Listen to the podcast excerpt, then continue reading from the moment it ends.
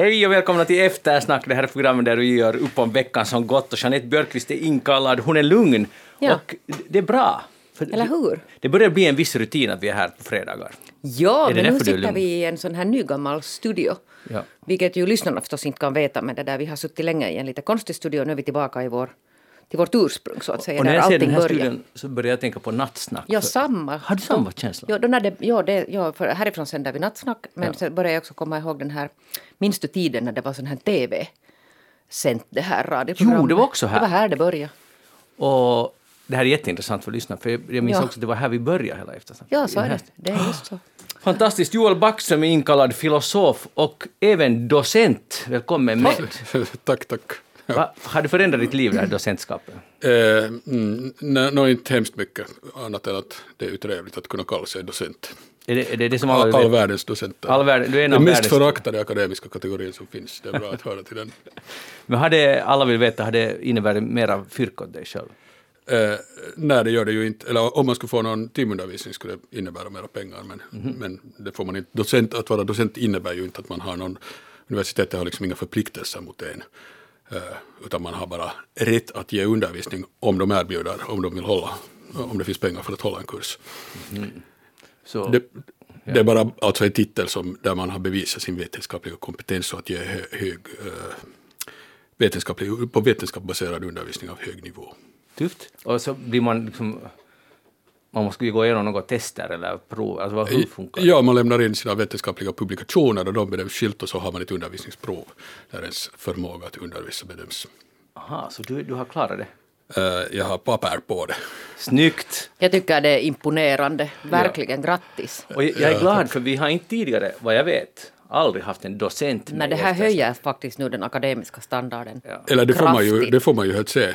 Men okej, ja, på pappret kanske det På det. i alla fall. Jag heter Magnus Lundén, programmet Eftersnack. Vi ska tala om veckan som gått och kanske också uh, förmiddagen som gick, för att vi kan väl inte undvika att... jag tror inte ni har undgått att märka att Finland knep ett guld i Ivo Niskanen i 15 kilometer klassisk till. Jeanette, följde du med det? Nej, jag följde inte med det, men jag, jag vet. Jag är medveten om detta. Aha. Joel? Mm, jag kan säga ungefär som Jeanette. Men det som är synd att hans syster inte också fick guld. Det, det här- Niskanens syster. Jaha. Är, är, det, är det mitt syskon? Jag har ingen Inte, aning. inte, nu tycker jag, Alltså nu, Kerttu. Vi måste sluta Niskanen. prata om sånt som vi inte vet någonting om. Jag trodde att de var syskon. Kanske jag har fått det här totalt. jo, de är syskon. Absolut är de syskon. Ja. Så kommer tänk det skulle det inte vara trevligt att Finland skulle ha två guld. Ja. En av syster och en av bror. Det Men så blev det väl inte. Hon fick väl bara silver då, eller hur det var. Ja, det var säkert så. Jag känner att vi måste tala vidare. Men, men, men alltså det här är det som jag egentligen skulle vilja tala om, för nu halva nationen stannar ju upp och jag, jag lyssnade på Yle Radio Suomi, de satt på Björn Borgarnas marsch. Jag var uh, ute och idkade friluftsliv när det här hände och de var ju ganska gråtfärdiga och jag blev också jätteglad. Men det slog mig att, att förut skulle jag aldrig ha ens tänkt tanken nu går jag ut samtidigt som det startar just 15 kilometer, en ganska klassisk sträcka och mycket spännande för den är så pass kort på något sätt. Att ha, är det bara jag eller är det andra också som håller på att tappa intresse för, sån, för, sån, mm, för längdåkning, alltså på tävlingsnivå, alltså på, på så här hög nivå och OS? Eller är det bara jag? Hur är det med? Har ni varit förut hängivna? jag kan inte säga att här har skett någon utveckling. Aha. Åt varken det ena eller det andra hållet? Nej. Okej. Joel. På bottennivå från början till slut. Eh, jag, när jag har allmänt nog för ganska liksom, länge sedan slutat följa med sport egentligen överhuvudtaget. Så att, Aha. tyvärr, det, men det, det, har inte någon, det är inte en allmän trend, det är bara jag. har det något att göra med docentskapet?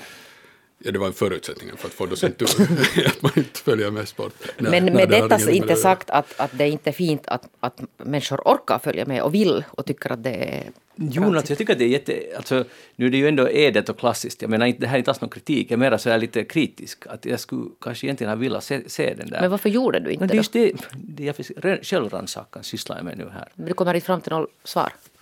Nej, förutom jag måste liksom skärpa mig. Alltså, för att han tog ju faktiskt det tredje guld, alltså tre OS på raken har han tagit guld. Det är ganska otroligt att någon kan fixa det. Men man ska aldrig bli för glad i, i förväg för att på, på svenska YLE under artikeln uh, som Mats Alnes hade skrivit, där han skrev om Niskanen med sin stilrena starka dia diagonalåkning Bolsjunov med sin robust ryska rock'n'roll-körning ställdes de mot varandra. Men så finns det en läsare, det kom in en kommentar i alla fall när jag hade läst, så skrev det bara, stod det bara så här, dopingtesterna ska klaras av innan casen är closed. att på det sättet, man ska inte jubla någonsin om man är i det här landet. Men så illa kan det nu inte gå den här gången. Um, Sa du Remme som är tekniker idag, hör du? Nej, Anne Heikkilä. Ja, och det var mm. Anne, Anne Heikkilä som just sa åt oss att det, det var... Kände till syskonrelationen. Ja, där, där ser man hur begränsad kunskap vi ibland har. Hej, polisen är utsatt för något slags, något slags hot. Det gick de ut med igår, tror jag. Och det är väldigt förteget och jag har lyssnat på någon expert som också sa att det är jätte... Han var också jätteförtegen, fast han inte heller visste någonting. Alla är hemskt förtegna, förutom att det står en pansarbil utanför Böle polishus. Och alla poliser i hela riket ska vara på sin vakt. Hur tycker ni att polisen ska gå ut med information i sådana här fall? Ja, det där måste jag säga alltså för att... För att Varför skrattar du? Alltså, jag, alltså, jag, jag vet inte, alltså, jag, jag skulle kunna gråta okay. eller skratta och nu väljer jag liksom att, att det där skratta lite sorgset för att de skickar ut alltså ett pressmeddelande. Polisstyrelsen alltså, vilket är ovanligt och det kommer alltså rubriken Polisstyrelsen ger information kring frågor som kommit från media. Och sen berättar de ingenting. De berättar att det har riktats ett möjligt hot mot polisen och de har stärkt sin beredskap och sen är allt annat hemligt och ingenting kommenterar de. Så det där, jag vet inte, frågar att hur borde de gå ut med ja. sin information? Mm. Det är ju kanske på något annat sätt än så här. Men är, um, för den här experten var väldigt förstående som jag hörde också på YLE. Uh, han sa att det är ju klart att polisen inte kan gå ut och det är många faktorer man måste i beaktande och, och vi måste lita Men de alltså kände ändå att de behöver ge ut någon information men utan att ändå ge ut någon information. Ja, precis. Och det där saken är ju den att de har ju inte gett ut någon information till poliserna heller. Nej. Det har väl gått ut ett mejl ungefär. Ja. Var det inte så? Mm. Där det stod samma sak. Och sen ska man, sen ska man det där höra av sig om man ser något konstiga, någonting, upplever något underligt. Men vad tycker docent Backström nu? Alltså, hur, hur borde man förhålla sig till det? Ska polisen i så här fall i ett, i ett öppet samhälle informera mera eller borde de helt enkelt hålla låg profil och sköta det internt så att säga? Det, för det här blir så lite halvmesyr, tycker jag. Alltså ja, jag skulle men, inte kalla det halvmesyr. Nej. Men poängen är väl att eftersom, antar jag, att eftersom folk kommer att märka som har med polisen att göra, som går till polisstationen, att här är någon sorts pådrag på gång, så har mm. de väl känt att de måste säga någonting och sen har de, antar jag, tänkt att de inte kan äh, avslöja några detaljer för att det kanske då skulle spela hotaren i händerna. Inte vet jag, det skulle vara det enda legitima skälet, tycker jag, att inte säga någonting mer än så här. Men det låter underligt för den som har hotat så vet väl om att den har hotat. Så jag vet inte, men jag menar det är förstås så att man kan inte gå ut med information till exempel under en pågående utredning som på något sätt skulle hota själva utredningen. Att det, är väl, det är ju ett helt legitimt skäl att inte gå ut med information.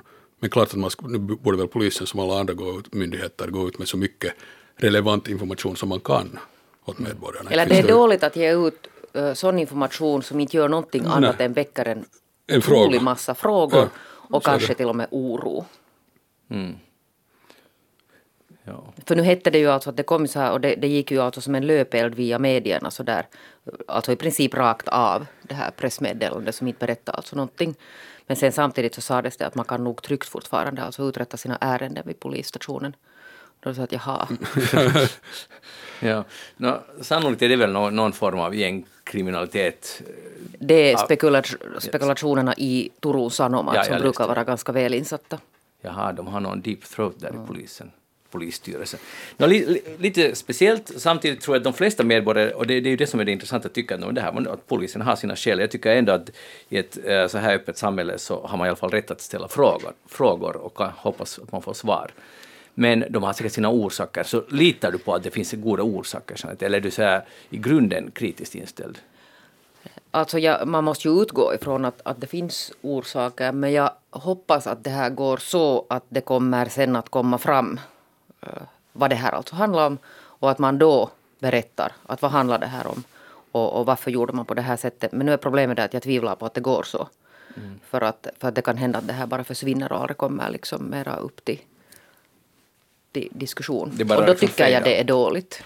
Vi får hoppas på mer information. Uh, hela veckan har det det känns som stämningen, eller inte stämningen utan spänningarna bara stiger mellan Ukraina och Ryssland och allt kring det. Uh, Lavrov eller Ryssland skickade ett brev som de har fått svar på den här veckan av EU. EU svarar gemensamt och inte separat som Ryssland hade hoppats på. Och det där Eh, det blev Lavrov jättesur på som utrikesminister och jag tycker det var en ganska barnslig reaktion för han ville ha ett gemensamt svar av, nej alltså han ville inte ha ett gemensamt svar av alla.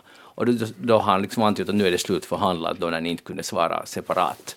Uh, jag förstår inte riktigt det här sättet att kommunicera, att om EU vill svara tillsammans så då är det ju också allas svar på en gång.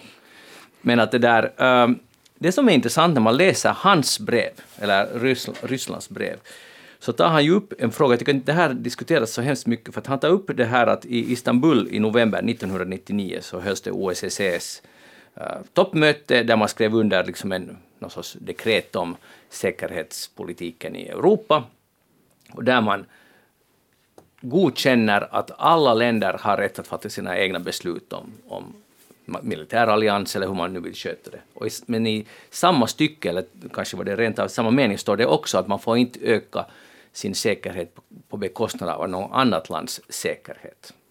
Så det, och det är det här som Ryssland vill ha svar på. Att hur ser man på den här frågan? Och då anklagar man NATO eller väst för att endast använda det här att, att man får, varje land får själv bestämma till vilket, hur man löser sin egen säkerhet. Men att de aldrig tar upp det här om att, hur, att det inte får påverka, försämra något annat lands säkerhet. Då undrar jag bara när man förhandlade om det här i Istanbul 1999, så hur tänkte man riktigt? För de här, hur går de här sakerna att kombinera? Att, att man ökar sin egen säkerhet utan att det hotar någon annans säkerhet. För det, det är ju alltid en tolkningsfråga. I det här fallet tolkar Ryssland det som att kommer NATO och väljer, låt oss säga, uh, skulle Ukraina nu väl gå med i NATO, så skulle Ryssland tolka det som att det minskar vår säkerhet, medan Ryssland, äh, Ukraina skulle tolka att det ökar deras säkerhet och de har rätt att fatta beslut. Joel, hur går de här två sakerna att sätta ihop? Alltså att, att jämka så att säga?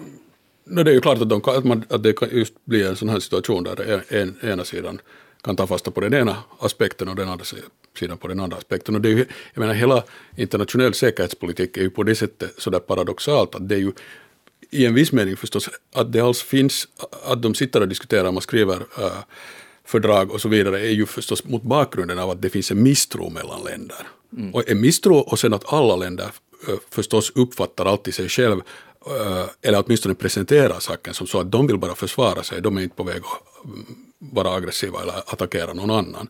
Alla säger att de är bara ute efter att försvara varandra och ändå skulle det inte finnas något själv. behov, ja försvara sig själv. Uh, och ändå skulle det förstås inte finnas något behov av, av arméer om det på riktigt bara skulle vara så att alla vill försvara sig själv. Alla tänker åtminstone att, det är den, att hotet kommer från den andra hela tiden. Så det är, på det sättet blir det en sån där... Och, och sen det här den här bakgrunden, sen när man ska försöka ge det här någon sorts sån här eh, legal juridisk eh, prägel, att det handlar om principer och så här, så blir det ju alltid en sorts sån där dubbelsnack äh, egentligen. Att man säger att det handlar om principer, men, men hela tiden handlar det ju om vilka, vad du kan sätta för äh, trovärdigt hot bakom vad du säger till exempel. Jag menar, det är ju en del av vad som nu händer, att, nu, att NATO till exempel har inte något trovärdigt hot militärt att sätta emot Sovjet på, i, i termer av konventionella vapen. Ryssland? Eh, Ryssland, ursäkta, ja, Freudian slip.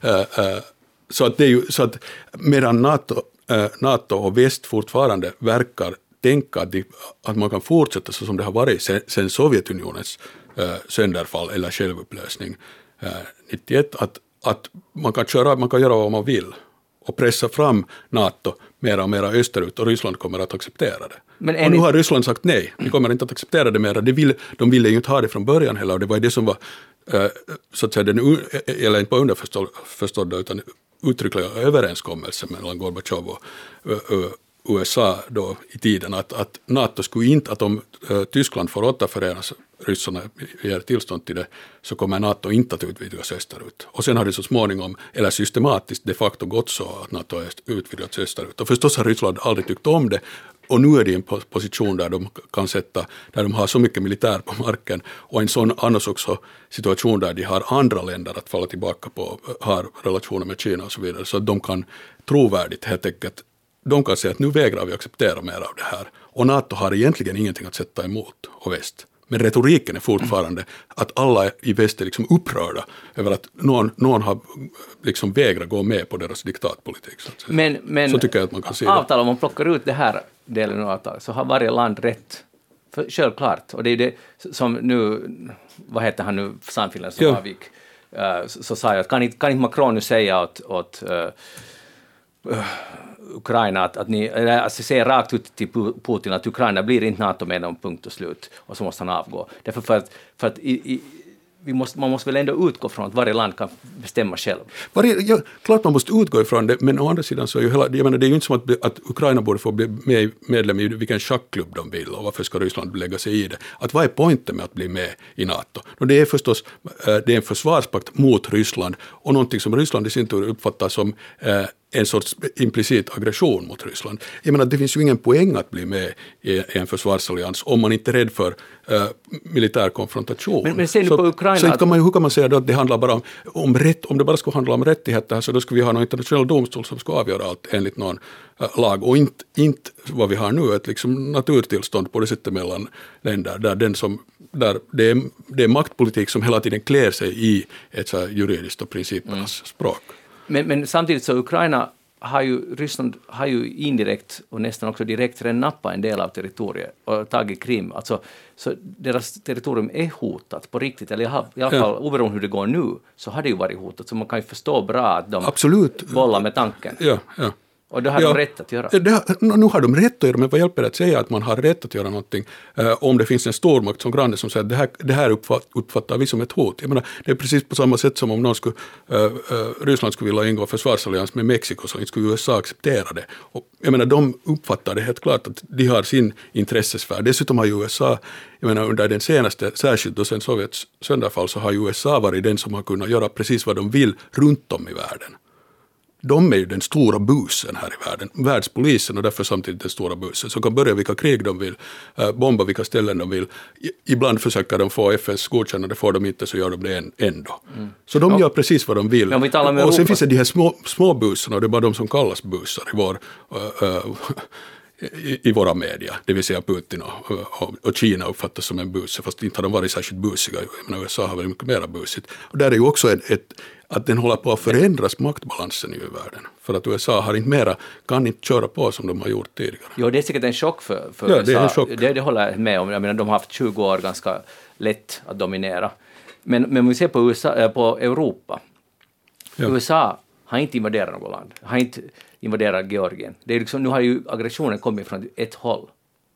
Hittills. Alltså, Jo, eller, eh, men det är ju hur man, eh, alltså Ryssland uppfattar det som en aggression att, att ha missiler eh, och ha en massa militär i Europa, i länderna som hör till NATO, att det hela tiden pressas framåt, österut mot Ryssland. Jag menar igen, det här är ju inte, eh, inte det där att, att stackars Ryssland, voj voj, utan det här är ju konkret maktpolitik, så man måste förstå vad det handlar om. Och då är väl frågan att vad är det vettigaste om man nu vill ha, vi som europeer vill ha någon sorts fred i Europa, så hur borde vi agera? Och hur borde vi agera? då-.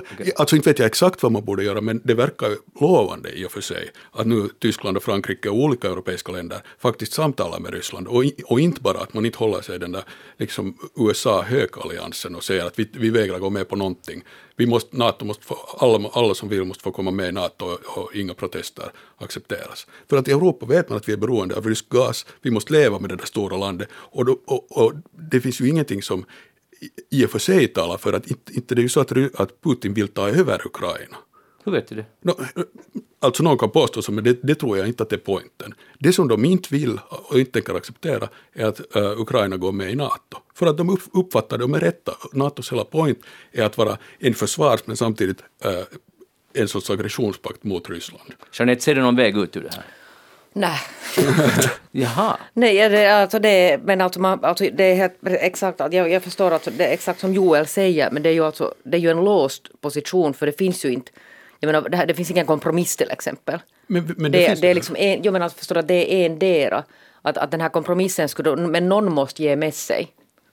Och det är många som kan ge med sig på olika sätt. Jag menar, det kan ju också skulle kunna vara så att Ukraina skulle säga att, ja, att, äh, äh, att vi tänker inte gå med i NATO, men vi, vill vara, äh, vi kommer att vara neutrala, äh, som vi, Finland har varit, äh, oberoende av, inte anslutna till någon försvarsallians, och vi vill att vårt territorium respekteras. Och så man, kommer man överens om det. Jag menar, det är åtminstone fullt möjligt Men att sen finns det Ryssland ju ska en det. teoretisk, så finns, ja, men så jag finns menar, det, det är ju- det de officiellt har sagt att de vill gå med på. Sen förstår jag nog förstås, och det vet vi ju, det har vi ju i Finland erfarenhet av från tidigare år, vad det betyder att ha Ryssland som granne och att de ö, försöker lägga sig i interna angelägenheter. Jo, Det men alltså att så man där inte ur Ukrainas synvinkel så kan det ju vara så att, att så här säger man, men vad finns det sen för garantier för att Ryssland till exempel respekterar det här? Att man kan ju önska att man respekterar Ja. territorium, men de har ju eh, inte så bra erfarenhet. Nej, nej, men inte, det är ju klart att eh, som sagt, det skulle vara helt sjukt att vara på något sätt naiv och tro att, att alla vill varandra det, det bästa här. Så är det förstås inte, men, men det är ju inte så att det där militära ger några garantier heller. Utan om, om jag menar, då blir det ju krig på riktigt om uh, NATO nu skulle, om Ukraina skulle bli med i NATO, det kan de ju inte bli heller. Och det är ju, för att de är i konflikt med Ryssland, så NATOs egna regler skulle inte ens tillåta det. Men, men jag menar, inte är det så att det löser problemet att bli med i NATO, utan det först skapar ju enorma spänningar och en enorm krigsrisk.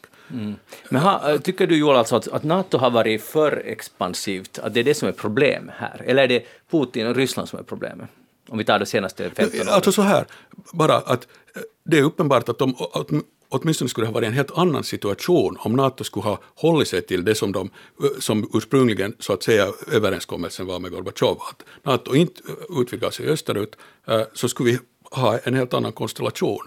Jag menar, det är begripligt att om de utvidgar sig österut så kommer Ryssland inte att tycka om det och sen när de är i en position, vilket de är nu, militärt och på andra sätt, att sätta makt bakom kravet att nu är det slut på den här utvidgningen, så kommer de att göra det. Att det borde man ha vetat, så här kommer det att gå. Sen, är det rätt eller fel? Vad ska man säga om det? Men tänk, Baltikum är, äh, de baltiska länderna är en NATO-medlemmar, de Ja. gränsar till Ryssland. Och jag, und, jag bara funderar att ingenting har ju så att säga hänt. Att, att där är det. Och, och att hur kan... Men- men jag förstår ja. att inte Ryssland kan liksom acceptera det att de vill bli, med deras historiska erfarenheter, så, så är det egentligen helt förståeligt. Jag förstår att det är svårt att acceptera, men ingenting har hänt.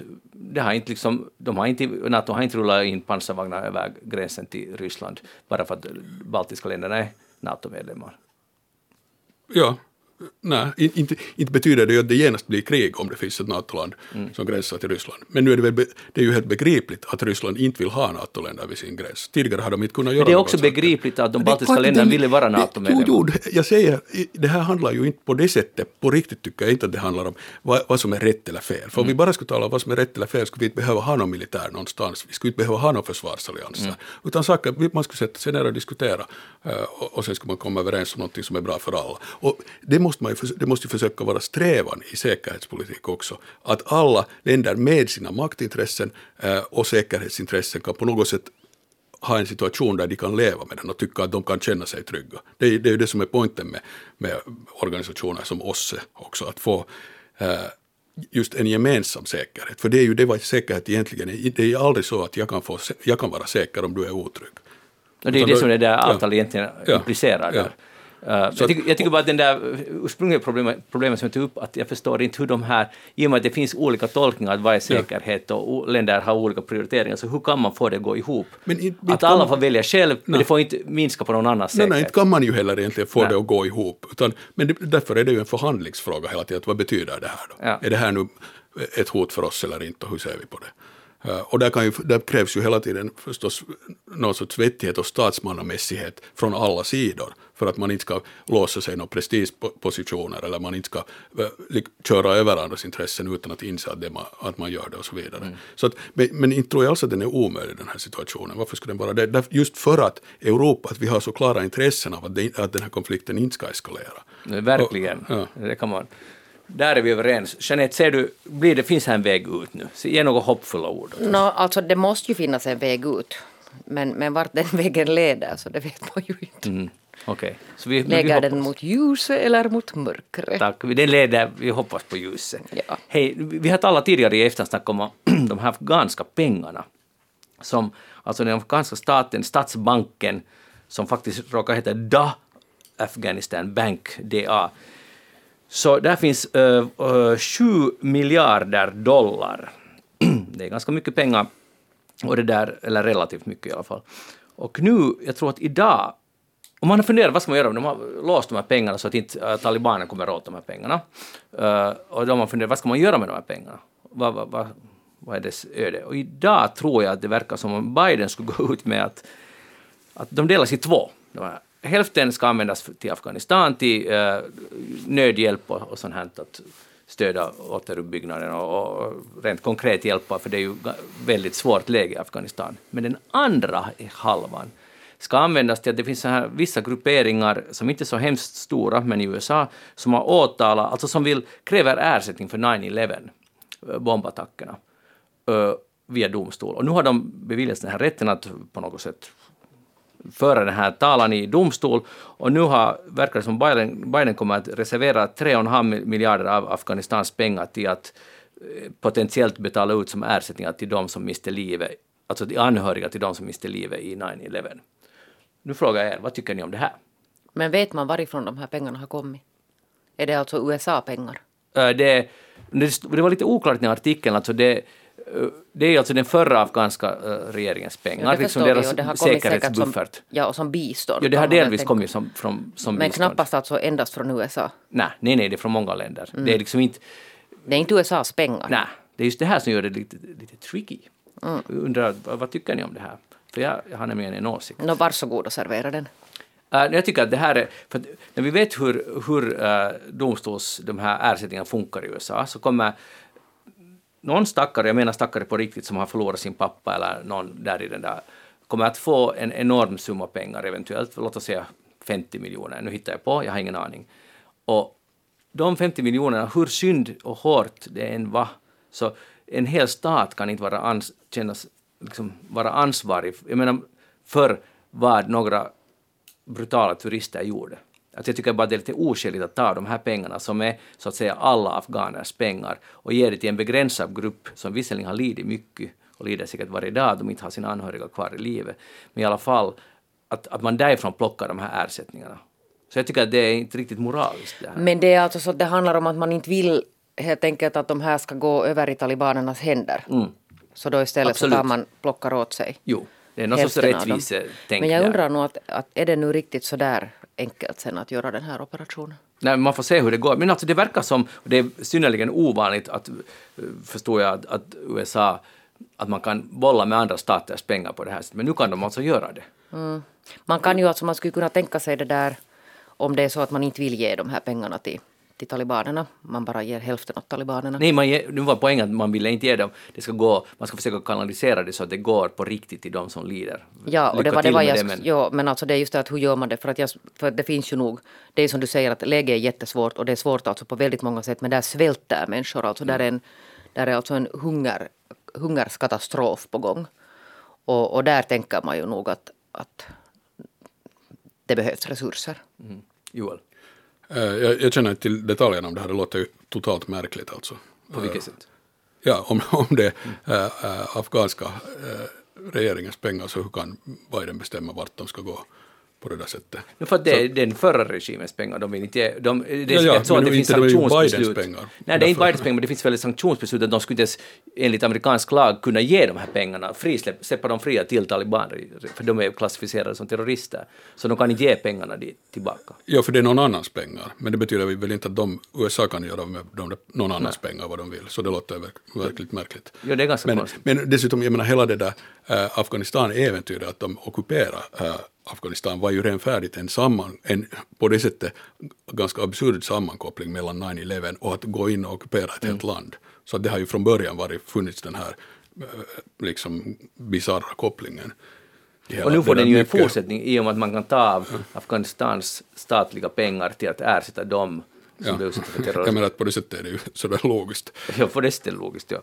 No, det blir ganska intressant att se hur det går. Det är också, jag tycker att det är ganska intressant prejudikat. Alltså det är ganska mycket principer som där, att kan man faktiskt göra så här? Ja, och har några andra länder som har, som har öst in biståndspengar till Afghanistan någonting att säga till om? No, nej, helt säkert inte. Mm. Pengarna och guldet finns fysiskt på något plan i USA. Det här är ju annars ett exempel bara, illustration på det där just hur USA har kunnat göra egentligen precis vad de vill under i en ganska lång tid. Att de bestämmer sig för att gå in i Afghanistan på, på sina egna äh, premisser äh, och sen kommer hela resten av världen med och står där i honör och hjälper till äh, och sen skitar sig allt och sen står vi igen och bockar och bugar och USA bestämmer hur saker ska gå.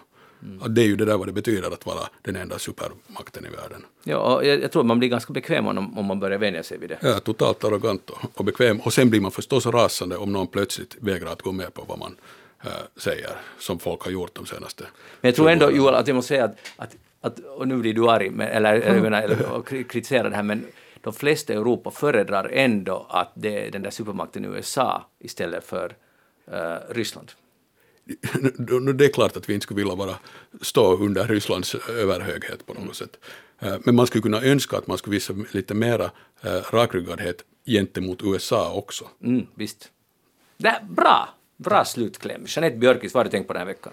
Oj, vet du, jag har tänkt alltså lite inspirerad, alltså den här, den här polisens, gårdagens den här alltså meddelande så fick mig, alltså det gick lite på varv igår kan jag säga, på Aha. betydligt högre varv än i, idag, för att sen samtidigt så råkade det sig så att det finns alltså en sån här, Joel, din kollega, docent i, i offentlig rätt, Pauli Rautiainen, som alltså borde få någon medalj eller många medaljer för att han har egentligen så där i princip uh, fört ett, ett sånt här, en sån här ensam kamp mot myndigheterna när det gäller de här coronarestriktionerna.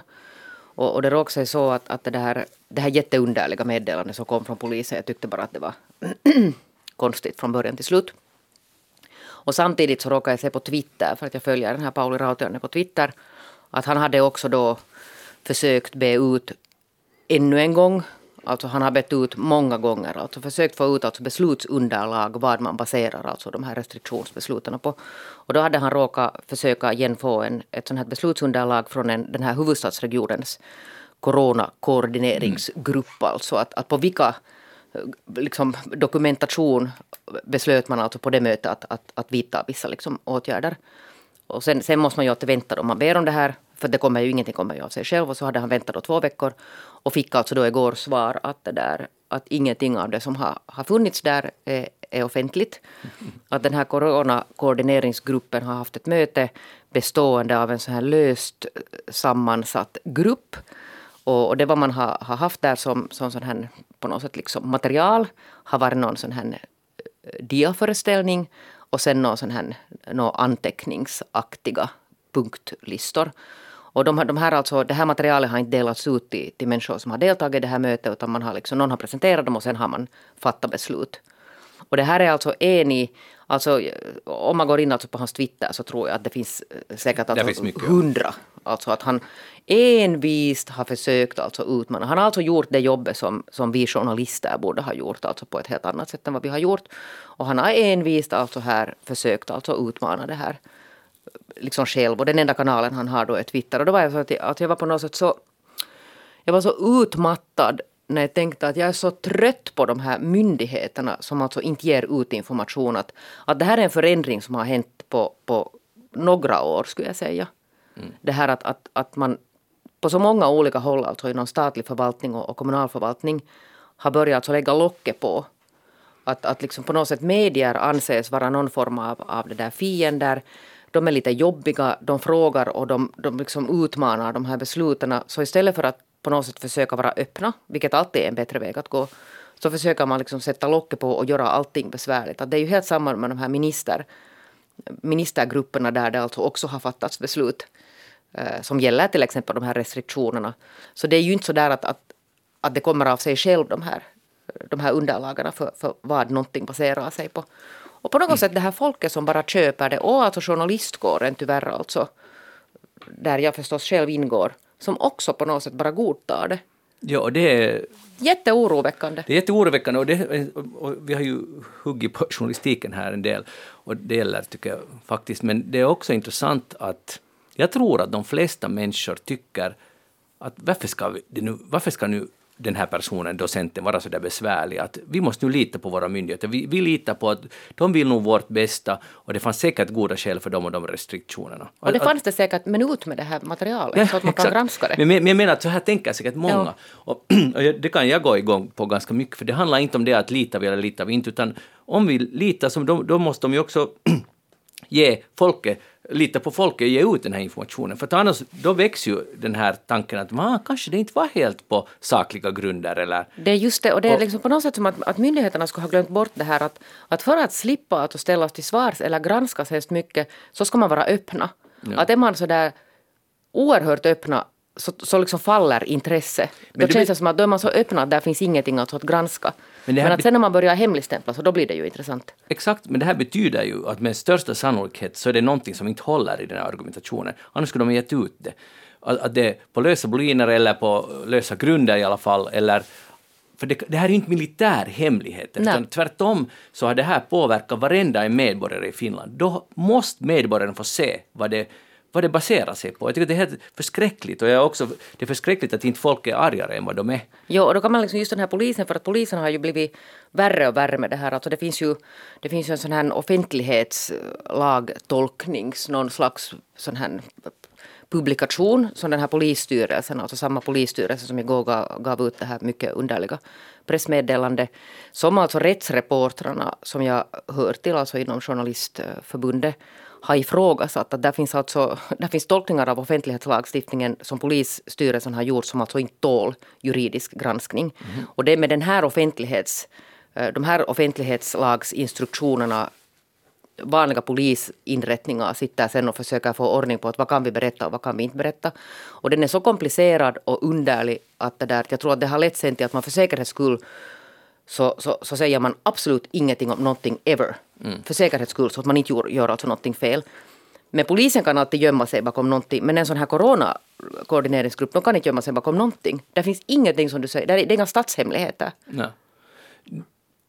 Joel, tror du på offentlighetsprincipen fortfarande trots de här exemplen? Liksom att, att, alltså vad menar du, tror du på den? Jag menar det är att uppenbart att den inte... Äh, no, där, uppenbarligen fungerar det inte särskilt bra, jag skulle hålla med dig eller, eller var det Jeanette som sa att det är ju väldigt bekymmersamt att folk inte är mer upprörda än vad de vi äh, är över att det är så svårt att få äh, få ut information. För det, det var en demokrati bygger på att man ska veta eh, på vilka grunder beslut fattas och vem som har fattat vilka beslut. Och med vilken, jag menar, det är ju enda sättet att bedöma legitimiteten hos eh, folkstyret, mm. är, är att vi vet vilka beslut som fattas på vilka grunder av vem. Så det är ju helt A och O för en fungerande demokrati. Att det är bara i undantagsfall, just om det är nu något absolut som in, inte kan ges ut som det borde vara hemligt. Och det är ju det som är principen för vår lagstiftning i mm. princip också. Jag, jag förstår inte, för man tar det ner till simpel nivå, alltså som du sa, att om man inte ger ut det så i alla fall tolkas det som att då döljer man någonting, fast man kanske inte ens gör det, men det ser ut som att man döljer det och det kommer att öka misstron. Det är just det. Och, och, och det är faktiskt myndigheternas ansvar att motivera sina beslut. Det, är liksom, det här är en självklar case. Och jag läste några formuleringar som han, när han gav på Twitter, och, att, att det var så löst och så svagt och så uselt av en finländsk myndighet. Ja, och det här, det här var alltså ett i raden. Ja. För att det är ju, han är ju faktiskt alltså det där, man kan, man kan gå in och läsa hans de här Twitter-kedjorna för att, för att det är bara ett. Säg en gång till vad han hette. Pauli Rautiainen. Gå på Twitter och läs. Han är docent, precis som Joel Backström. Allt bra kommer från docenter. Joel Backström, vad har du tänkt på den här veckan? Mm. Uh, jag har tänkt på en stor segelbåt en bro, nämligen mm. Jeff Be Bezos, uh, Amazon-grundaren uh, och ägaren, har ju, eller håller på att få byggt åt sig världens största lyxjakt som har master också som inte ryms ut ur, uh, från Rotterdam där den har byggts. Och därför har ju Rotterdam stad bestämt att uh, riva eller inte riva, de ska bygga upp den sen senare igen, men äh, plocka isär en historisk bro för att Bissos båt ska slippa rymmas ut äh, ur Rotterdams hamn. Eh, så det där, äh, och den, det tycker jag bara är som en sån här sinnebild för hur absurt mycket makt våra demokratier ger över att de superrika i världen, Bissos är då en av världens absolut rikaste män, att, man, att när de vill någonting och de bygger en så stor båt att den inte ryms, så då är vi färdiga att demolera våra, våra städer. Ja, och bygger den på en plats medvetna om att den ja, ska ut en rutt där det ja. finns en... ja. Och då är det helt klart att staden säger att jo, vi, vi plockar sönder vår bro. Jo, jo, men han betalar för det. Han betalar, jo, jo, men, men att man inte ja, men man skulle också kunna tänka sig en attityd där man skulle säga att det är helt självklart att vi inte börjar söndra det är ju en historisk, en av, ett historiskt monument där i Rotterdam, uh, någonting som staden liksom identifierar sig med, att man inte, inte är beredd att så att säga sälja bort det för att någon med mycket pengar kommer och säger att ja, för mig skulle det passa så här. Jag menar, för man skulle kunna tänka sig att de skulle riva ner den helt också, det, är ju inte, det, det gör de inte. Och han betalar, jo, jo, men att det överhuvudtaget kan uppstå en sån här situation mm. tycker jag är en sinnebild för hur mycket makt vi hela tiden uh, ger åt dem uh, på olika sätt, de som har verkligt mycket pengar. Och det är också förstås en sinnebild, hela den här båten, för uh, hur otroligt mycket pengar uh, de rikaste här i världen har. Och jag kommer ihåg att det var inte för så länge sedan, för några veckor sedan kom det en Oxfam-rapport om att de tio rikaste människorna i världen hade fördubblat sin förmögenhet sedan början av pandemin. Så att nu äger de, vad det nu var, 1,5 Fördubbla. fördubbla sin förmögenhet. Ja. Medan då 99 procent av människorna har fått, äh, deras inkomster har minskat under, under pandemin och en, en massa människor har blivit, hamnat i fattigdom som inte fanns där i fattigdom förut. Äh, Så den här, de tio rikaste har fördubblat sin förmögenhet så att nu äger de 1,5 triljoner dollar eller vad det var tillsammans. Bezos då är en av dem. Äh, Så, och det, är också, jag menar, det väckte inte heller något jättestort ramaskri att det går så. En, alltså en helt enorm, historiskt sett, exceptionell utveckling av ojämlikhet under en kort tid. Men vad finns det för förklaring till att den har, de har fördubblat det? Eh, nu no, där finns väl olika förklaringar och det, det är för olika av dem har det gått eh, av, av olika skäl så att säga. Men en, jag menar hela hur man har hanterat pandemin så det har bara eh, Pandemin har ju bara liksom förstärkt en tendens som har funnits ända sedan, egentligen ännu sedan 80-talet kan man kanske säga, men sen finanskrisen 2008. Att det helt enkelt, att att sättet att försöka dela med eh, samhälleliga kriser, först finanskrisen och, nu pandemin också, är bara att sprida ut pengar eh, liksom via centralbankerna, som inte, eh, inte att investera dem i något Eh, produktiva investeringar, utan att bara ge ut pengar som de som redan är rika eh, kan liksom eh, låna upp det till ingen, ingen ränta och placera dem i, i aktiespekulation och så här. Det, så det är det som är, har varit problemet redan länge, det finns det har aldrig funnits så mycket lösa pengar som nu. Alla storföretag sitter på enorma kassor som de inte vet vad de ska investera det i. Så det finns en massa pengar men inga produktiva investeringar. Och medelklassen och, och de fattiga äh, får det liksom svårare och svårare, blir hårdare och hårdare pressade. Eh, så det är ju vad som har hänt under en lång tid. Det är ju möjligt att, att de här tio rikaste och många andra har investerat i läkemedelsbolagen. Exakt, och det är ju en sida av den här pandemin också, där man, där man ju också såg den här, för att hela poängen här är just det att det är ju inte så att rika blir rikare av sig själva, utan det är på grund av, eh, där finns förstås teknologisk och all ekonomisk utveckling, men det, det finns också eh, systematiska politiska beslut som gör att de kan bli så rika eh, som de blir.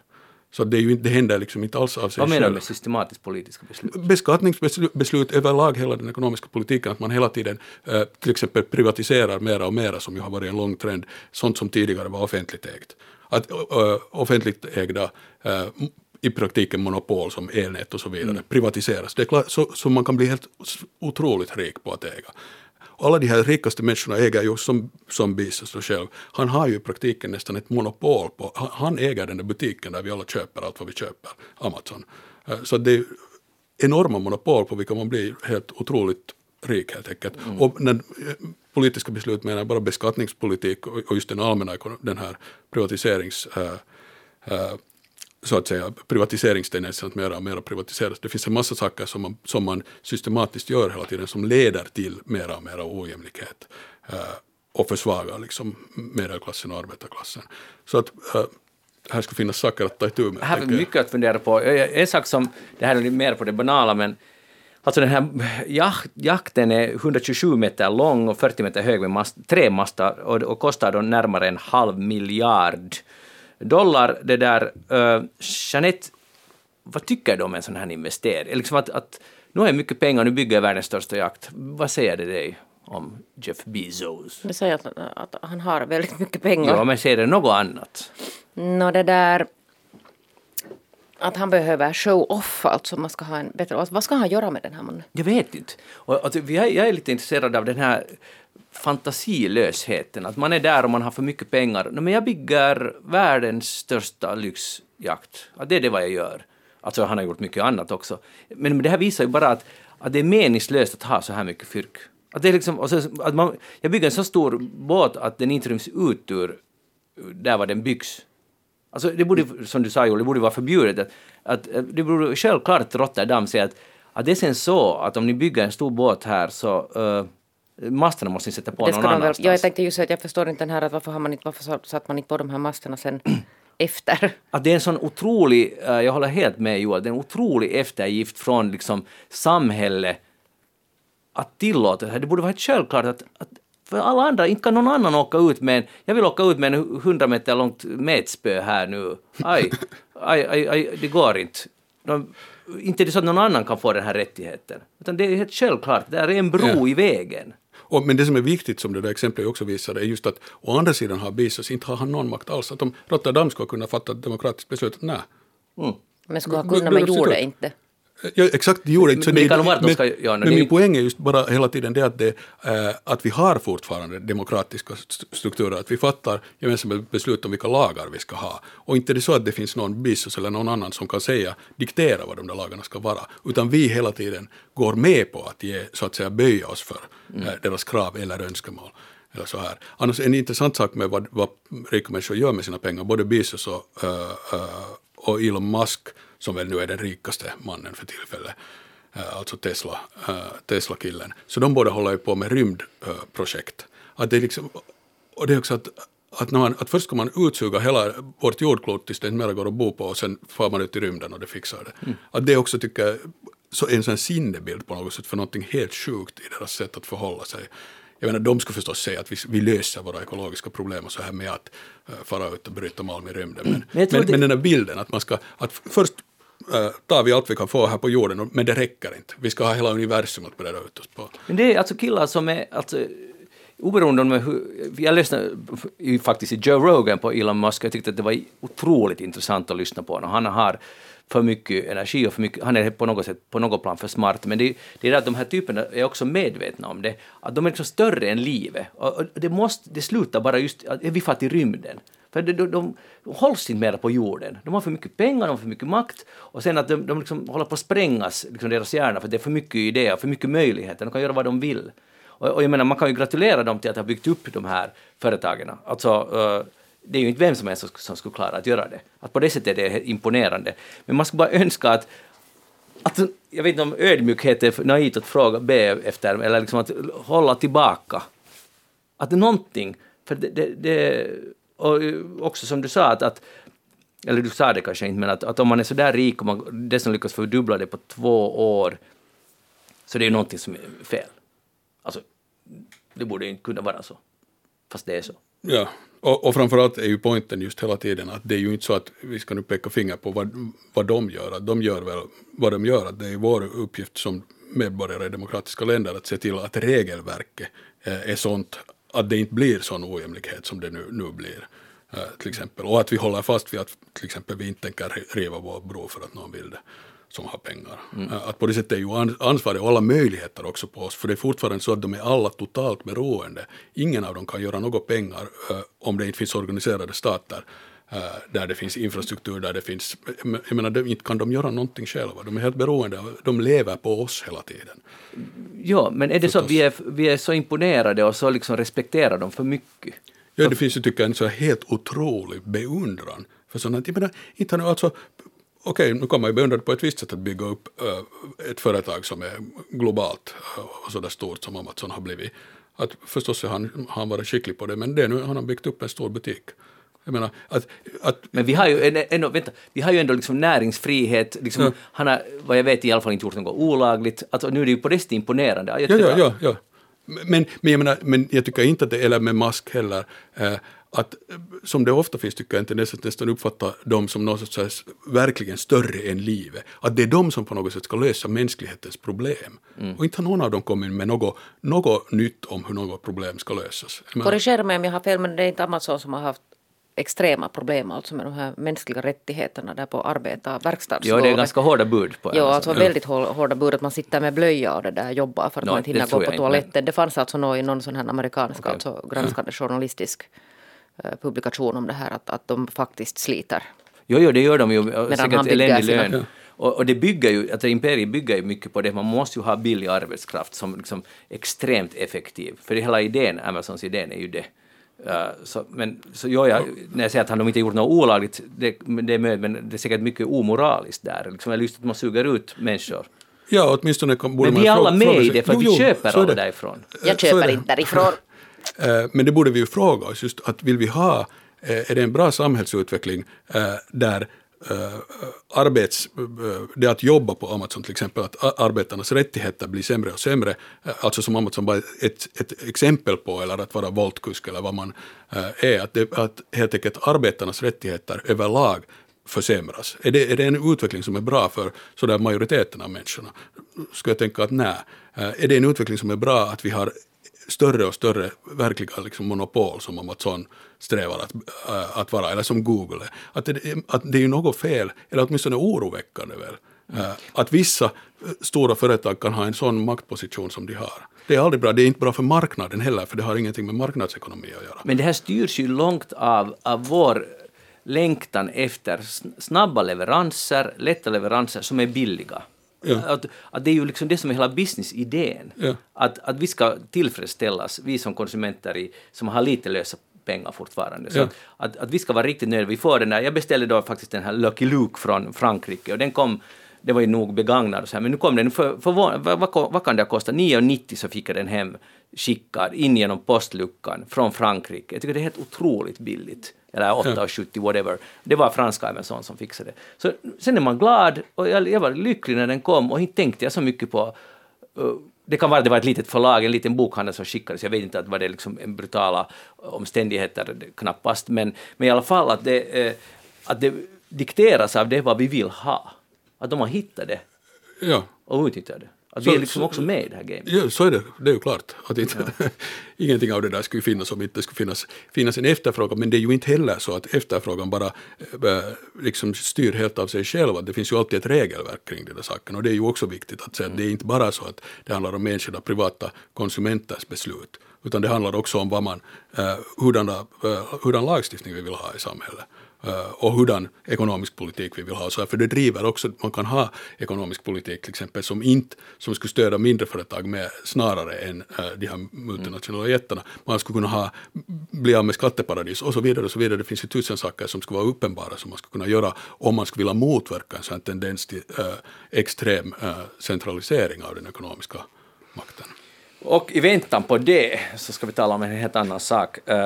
Jag läste en artikel om att nu är det jättepoppat. att pandemin har haft en positiv, eller vi ska just diskutera, är det positivt eller inte, en positiv effekt och det är det att folk som går på sin första dejt, och jag vet att det känns lite avlägset i våra liv, men i alla fall i, äh, i Storbritannien så nu är inte alkohol lika ofta involverat. Folk vill vara nyktra på sin första dejt för att det liksom, man connectar så att säga ärligare och tydligare. Man vet exakt också nästa vem, vem, man, vem man riktigt har dejtat.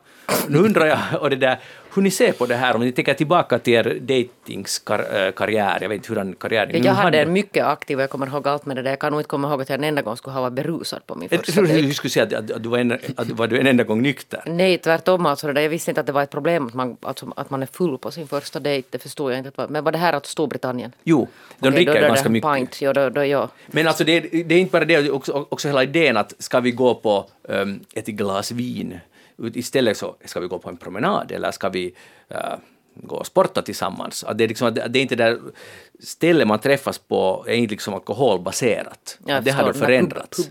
Joel, vad säger du om den här trenden? Ja, nu är det väl trevligt om folk minns vem de har haft att göra med. Jo, det är bättre. det är bättre, det är sant. kan man väl säga. Det finns nog en, en poäng i det. Jag, jag tycker att det, och det, de är, det är så fint intervjuar dig noga med att poängtera att, att det är bara första dejten som det här funkar. Sen, sen måste man nog ta till... sen får det neråt. Sätter man till flaskan, för då, då blir det liksom... Det talade vi inte förra veckan om att det är de här medelålders människorna som håller på på det här sättet, men kanske det är i Storbritannien är lite... Ja, det här var alltså unga människor, men det, alltså poängen var att första dejten nykter och sen kan man liksom släppa loss. Hej, ny, ny forskning, det här är viktigt, det där, de har studerat schimpanser. Nu har det visat sig att... På vilket sätt? De har filma dem. Under enkelt. vilka omständigheter? I fria livet? Natur, liksom, habitat. Det är mm. inga, inga, inga omoraliskt här. Och nu har de kommit fram till, det finns en teori om att schimpanser använder eh, alternativa vårdmetoder. Det är inte bara människan som ibland köper någonting sådär som alternativt, utan de leker varandras sår, eller tror i alla fall, genom att de, en schimpans fångar en insekt, sätter den i munnen och så här lite med läppen och så tar den här insekten eh, och sätter den på sin polares sår. Och så tar den andra emot den där insekten och puts, eh, liksom trycker lite in på såret, efter en stund tar den bort den. Och de är helt, nu är uh, forskarna väldigt fascinerade av det här, för det här skulle betyda att det finns liksom, ja, de kallar det för alternativ vård för schimpanserna, att de liksom vårdar varandra på det här sättet med hjälp av de här insekterna. På vilket sätt är det alternativ vård? Har de skolmedicin också? Ja, ja det undrar Schimpansernas THL. Som är rekommenderad. Så rekommenderat att använda inte alternativa... Ja, nej, alltså det ska vi säga naturmedicin. Ja, De ja. använder sig av naturmedicin på det här viset. Och det där... ehm, ja, alltså, jag, blir lite imponerad av schimpanserna. De har den här liksom, drivkraften att de vårdar varandra. Det har man väl sett tidigare också. De håller på lite och pynjar på varandra. Varför skulle de inte göra det? Nu ska jag berätta om det där ett, ett möte alltså på, på Högholmen. Min dotter och sen var där schimpansen på andra sidan glaset. Och Mhm. det där, och så satt de händerna mot varandra. Och så började hon gråta. För att de satt liksom och tittade på varandra. Förstår ni att... Vem att började gråta? Min dotter. För att det var så sorgligt att se. Alltså om man börjar titta på riktigt på en schimpans. Eller liksom apdjur. Och förstår alltså hur otroligt nära besläktade de är. Mm. Och vi har dem inlåsta alltså till exempel på djurparker. Så jag är inte alltså ett skvatt alltså överraskad. Det, det är ingen nyhet alltså att, att schimpanser är intelligenta, otroligt intelligenta djur. Som förstås alltså har metoder för hur man alltså vårdar varandra till Bra. exempel. Tack, det värmer. Och där sitter de fortfarande. Det kan vi diskutera en annan gång, vilket vi har gjort. Men Joel, du hade fått ett litet uppdrag. Kom du ihåg vad du skulle göra? Du skulle... Aj nej. Aj, du har glömt. Nej, det, har, det glömde jag faktiskt Nej, totalt. jag hade bett att Joel skulle skriva ner så många trädslag som han kommer ihåg. Så där utan björk, tall, gran. No, jag kan berätta, jag gjorde det tillsammans... Ek, al. Ja, ek, al, Alm. asp. Jag gjorde det till, tillsa- En. Ja, bra. Jag gjorde det med min son och vi, kom, vi slutade vid pinsamma 19 stycken. Vi kom helt enkelt inte på mer, vi var skida tillsammans. Det är sen- väl inte så dåligt? Det är nog jätte, jag tycker det är jättedåligt, för det är då- dåligt mot den bakgrunden att det finns 73 000 olika träd på jorden. Och det här är en siffra som jag tycker är ganska intressant. 73 274, men man vet nu redan att det finns minst 9 200 som är oupptäckta. Fattar ni? Som inte ens har namn. Alltså det är inte en tall, utan det är något som vi inte ens vet vad det Hur är. vet man att det finns?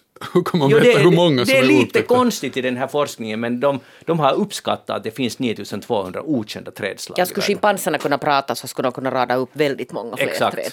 Skulle vi bli klokare. Men tänk på det, och jag uppmanar alla lyssnare att lista hur många trädslag ni kommer på. De som kommer närmare 73 000, grattis! Ni är bäst. Jeanette Björkqvist, tack för att du var med idag i Eftersnack. Joel Backström, tack för att du var med. Jag Tack Anne Mag- Heikkilä. Eh, ja, Anne Heikkilä var tekniker, jag heter Magnus Lundén. Vi är tillbaka genom en vecka. Hör av er på facebook.com eftersnack. Ha det bra, hej då!